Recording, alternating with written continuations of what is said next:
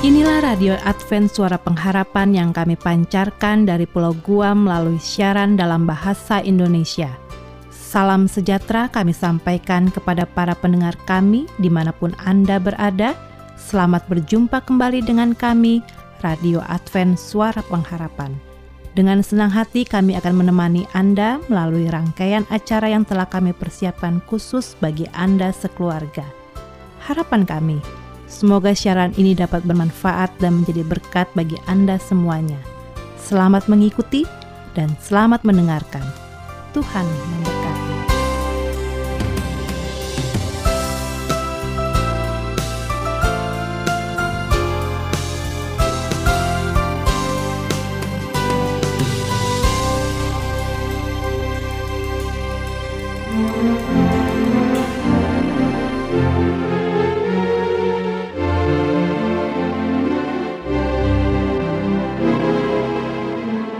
Saudara pendengar yang setia Radio Advent Suara Pengharapan. Saat ini tibalah kita di acara Kesehatan. Besar harapan kami agar program acara ini boleh menambah pengetahuan kita semua. Karena kita tahu bersama bahwa di dalam tubuh yang sehat terdapat jiwa yang kuat. Namun sebelumnya mari kita mendengarkan lagu pujian yang berikut ini. Selamat mendengarkan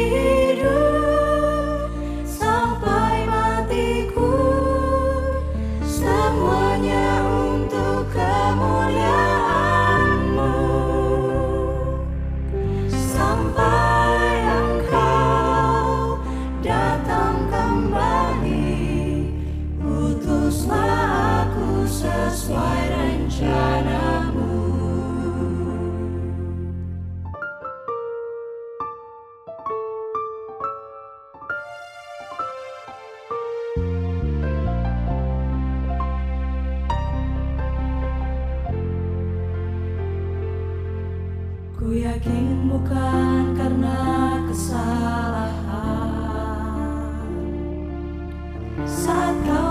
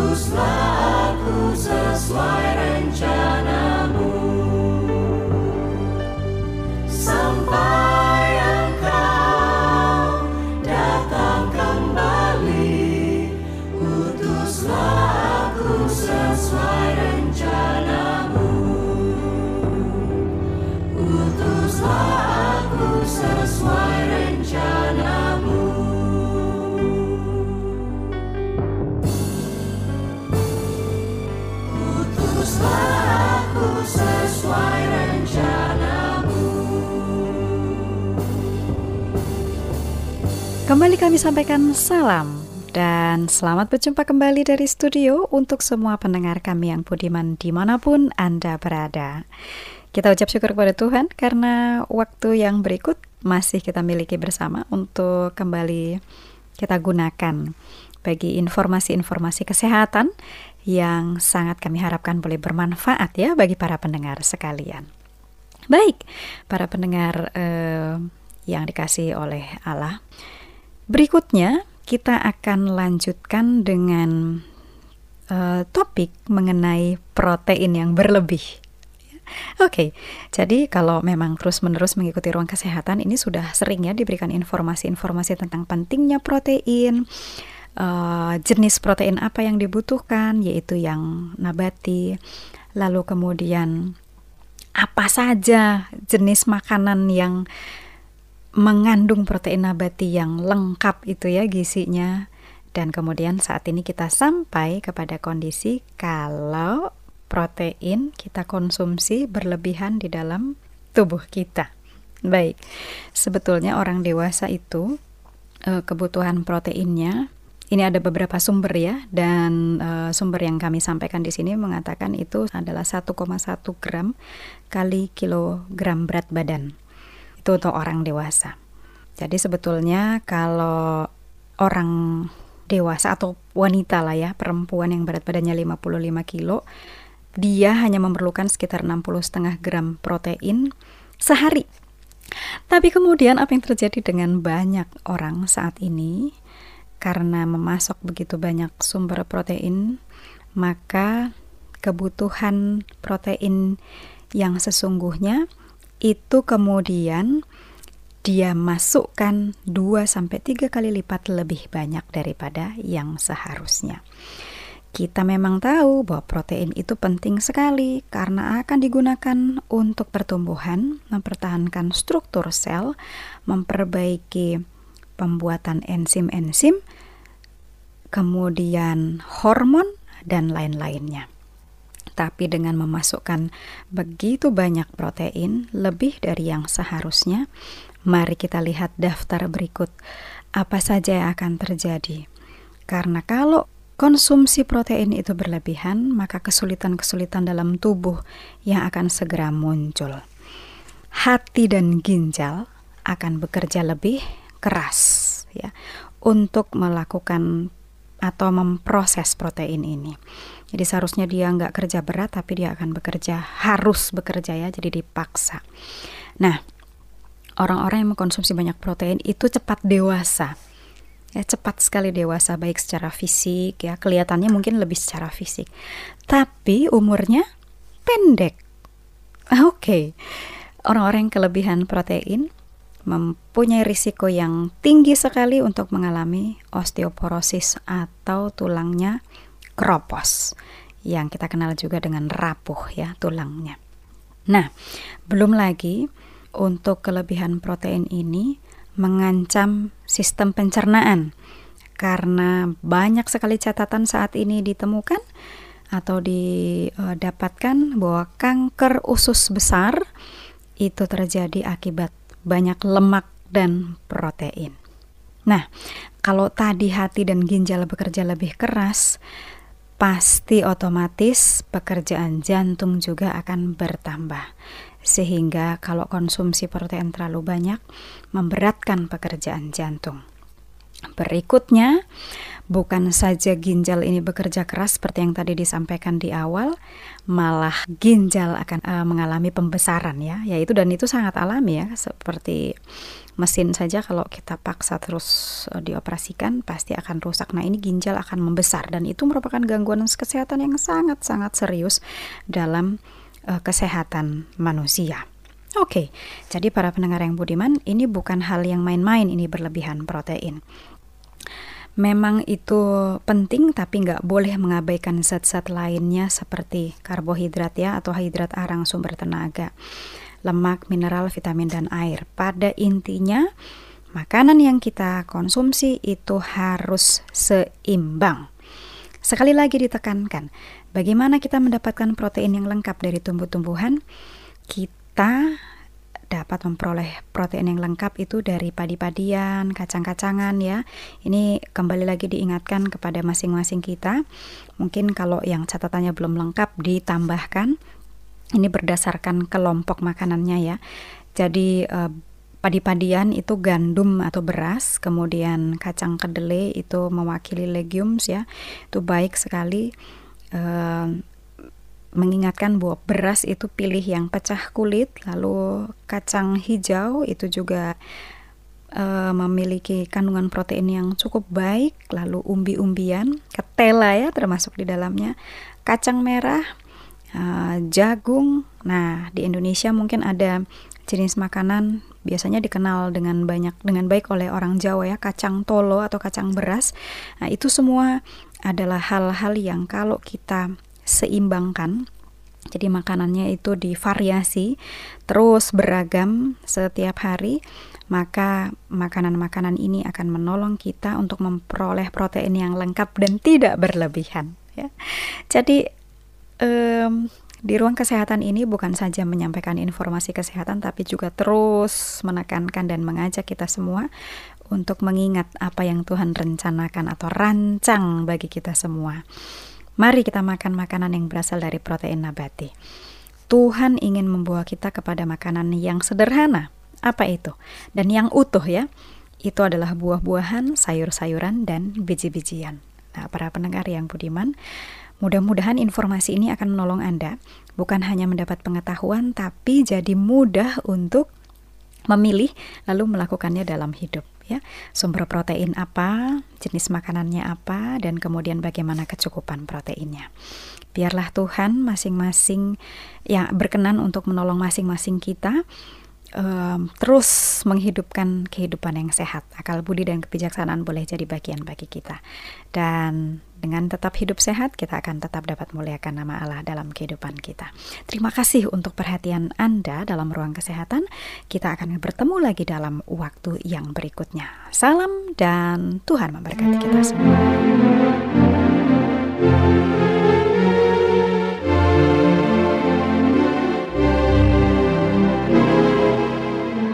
Demikianlah kesehatan yang sudah kita ikuti bersama.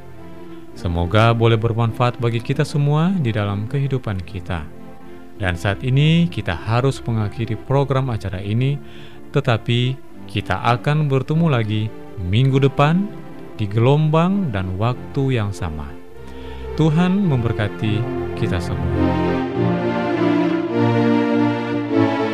Shalom bagi semua sahabat pendengar. Kabar baik bahwa kisah dan kesaksian terkait siaran dan pelayanan AWR Indonesia kini dapat diikuti secara berkala, baik melalui siaran harian Radio Advent Suara Pengharapan setiap minggu kedua dan keempat, juga melalui YouTube dan Facebook AWR Indonesia. Terima kasih banyak untuk yang sudah menyampaikan dan masih terbuka bagi Anda semua untuk segera SMS atau telepon ke nomor AWR di 0821 1061 1595 atau di nomor 0816 1188 302 untuk WhatsApp dan Telegram. Kami tetap menunggu dukungan Anda. Siang malam malaikat menjagaku oh Tuhan Siang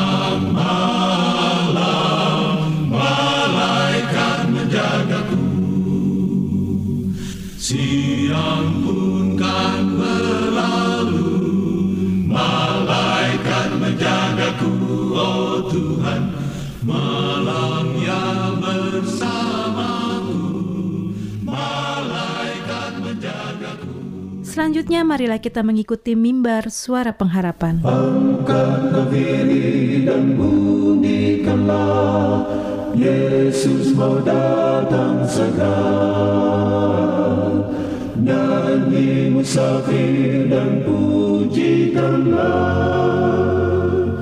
Yesus mau datang segera, datang segera. Inilah mimbar suara pengharapan dengan topik pembahasan terbatas gunanya.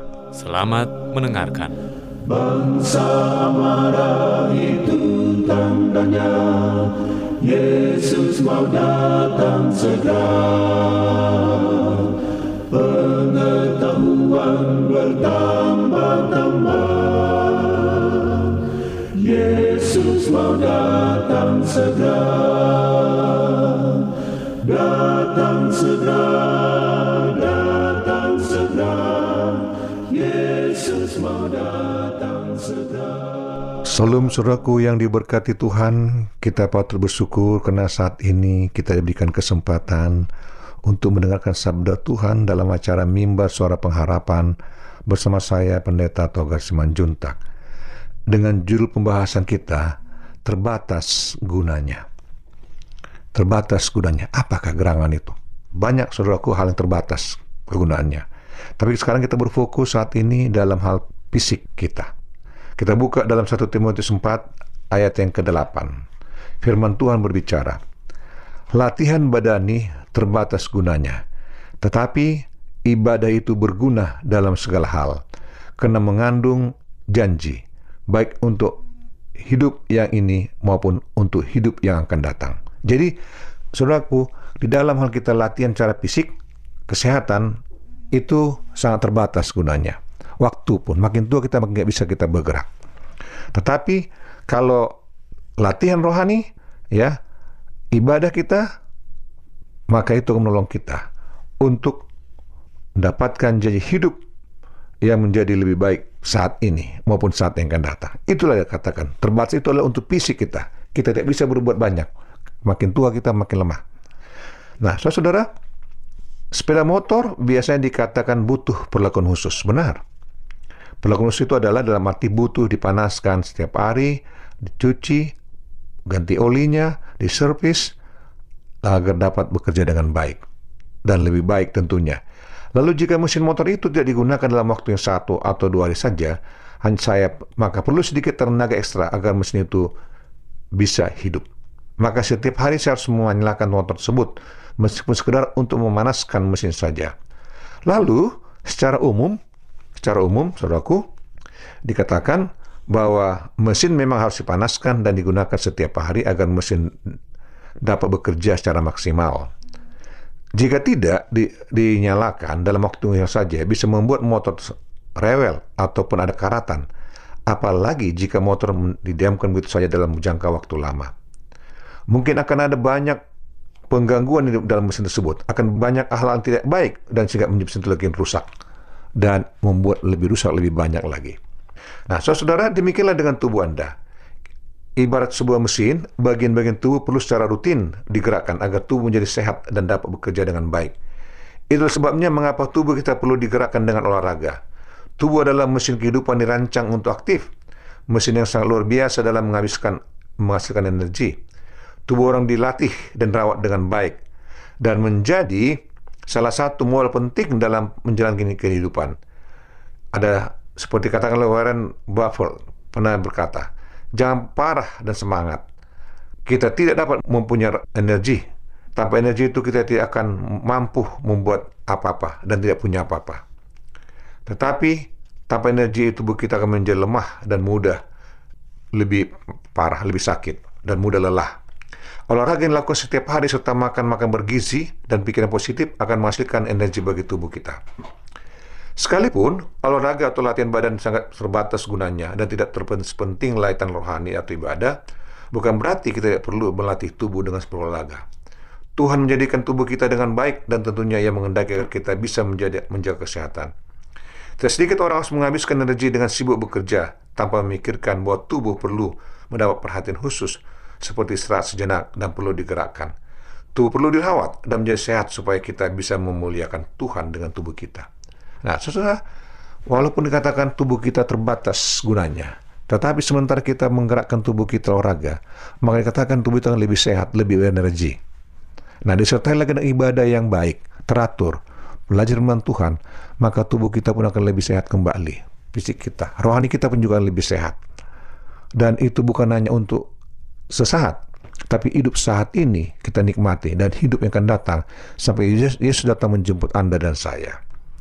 Sama seperti tadi saya katakan suraku, mesin-mesin itu, mobil atau motor, jika Anda tidak pergunakan berapa hari-hari, maka akan terjadi pengembunan, ya, penguapan air dalamnya, dan membuat komponen-komponen mobil itu bisa berkarat, dan membuat mobil itu juga akan bisa rusak. Nah, itu perlu dikatakan satu pemanasan setiap hari, supaya ada perputaran oli dan juga perbaikan kepada bagian-bagian mesin tersebut. Nah, Anda dan saya, Tuhan sudah kasih berikan ciptaan yang bisa untuk bekerja dengan baik, mengelola tubuh kita dengan baik. Mari kita lakukan gerakan tubuh kita yang baik. Mari kita perbuat supaya kita lebih sehat. Ya, jangan pikirkan batasan usia kita. Lakukan yang terbaik saat ini. Makan makan yang bergizi, yang cukup kesehatannya. Maka saya katakan sudah makin lebih hari lebih sehat, lebih segar. Ya, dan katakan tidak ada sila terbatas gunanya bagi saudara. Saudara akan bekerjakan sungguh-sungguh apa yang saudara bisa lakukan dengan kesehatan itu. Dan istri, istri juga di rumah akan langsung lebih segar, lebih sehat, ya. Dan tidak ada perlu diragukan akan cinta kasih bersama. Nah, saudara, itu dikatakan oleh Yesus. Dalam setiap hari, saudara harus olahraga. Walaupun olahraga ringan, menggerakkan tubuh, ya, menggerakkan tubuh untuk kemuliaan nama Tuhan, untuk berkat bagi kita, agar kita sehat selalu. Banyak gunanya, saudaraku. Walaupun katakan latihan badan itu hanya terbatas gunanya, tapi tetap berguna untuk menopang kehidupan saudara lebih sehat, lebih bahagia, lebih berenergi. Nah, jadi jika Anda mau energi tubuh Anda terbakar dengan baik dan sempurna, lakukanlah gerak badan setiap hari, setiap pagi. Di saat itu, maka Anda merasakan satu dorongan semangat yang tinggi. Dorong yang buat saudara bisa menang. Dorong buat saudara kekuatan yang dahsyat untuk melakukan apa yang benar. Membuat saudara mendapatkan, katakan di situ, kesehatan yang prima. Bukan cuma sehat fisik, sehat rohani. Banyak anggota gereja saya lihat saudaraku datang gereja merasa diri sehat. Ya, tetapi tiba-tiba langsung sesak napas dan tidak menjadi meninggal. Akhirnya satu lagi. Ya, kenapa? Karena mereka tidak mau menggerakkan tubuhnya. Tidak mau membuat guru tubuhnya olahraga secara teratur. Tetapi makan terus, makan terus, makan yang lemak-lemak, yang membuat tubuhnya kekurangan tenaga untuk mengelola makan tersebut hanya lemas dan melemak itu bertimbun di tubuhnya bagian tubuhnya semua dan tidak ada tenaga hanya larilah ke jantung atau ke lever atau paru-paru dan lama-lama pun tidak akan tertolong. Jadi saudara ingin berkati Tuhan. Mari saudara lakukan supaya saudara bisa mempergunakan waktu yang ada itu untuk olahraga. 1 Timotius 8 katakan, latihan badan terbahas gunanya, tapi ibadah itu berguna dalam segala hal. Karena mengandung janji, baik untuk hidup ini saat ini, maupun untuk hidup di masa yang akan datang. Itu selalu pegang. ya. Jadi walaupun sudah latihan itu bahas gunanya, tapi sangat baik tetap dilakukan. Diperbuat. ya Jangan ragu, saudaraku. Nah, disertai dengan ibadah saudara. ya Disertai ibadah saudara, maka saudara pun mendapatkan semangat. Ingat, kalau Anda sehat, Anda bergairah, punya semangat, maka sudah akan punya energi. Tapi kalau Anda sakit-sakit, maka sudah akan tidak ada gairah dan tidak semangat. Maka tubuh Anda pun akan sakit-sakit. Ini membuat saudara akan jadi hilang. Hilang semua. Dan tidak berdaya. Tidak berdaya atas hal-hal yang Tuhan sudah siapkan bagi kita. Nah, saudaraku, saat ini, jika Anda mau didoakan, ya, ataupun ada hal-hal Anda mau tanyakan, kami di tim Mimbar Suara Pengharapan dengan senang hati akan melayani dan mendoakan Anda. Hubungi kami saudaraku, tanyakan, ada sesuatu yang mau tanyakan. Kami siap untuk melayani Anda dengan sukacita. Berkat Tuhan menyertai Anda, inilah doa dan harapan kami. Salam saudaraku, amin.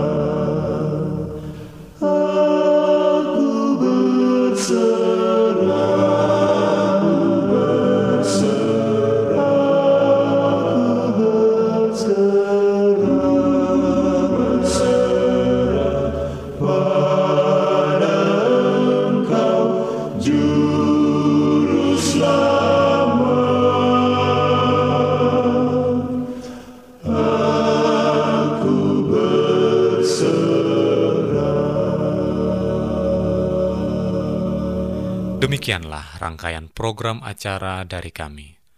Apabila Anda mempunyai pertanyaan atau ingin mendapatkan seri pelajaran Alkitab Suara Nubuatan, Anda boleh menghubungi kami dengan mengirimkan surat ke Radio Advent Suara Pengharapan, PO Box 8090, Jakarta 12810, Indonesia. Telepon 0821 1061 1595. Alamat email awrindonesia@yahoo.co.id. Anda juga dapat bergabung di Facebook kami, pendengar Radio Advent Suara Pengharapan, juga Radio Advent Suara Pengharapan. Terima kasih untuk semua pendengar yang setia. Kita bertemu lagi di gelombang dan waktu yang sama. Salam, kasih dan sejahtera. Tuhan memberkati. kita semua.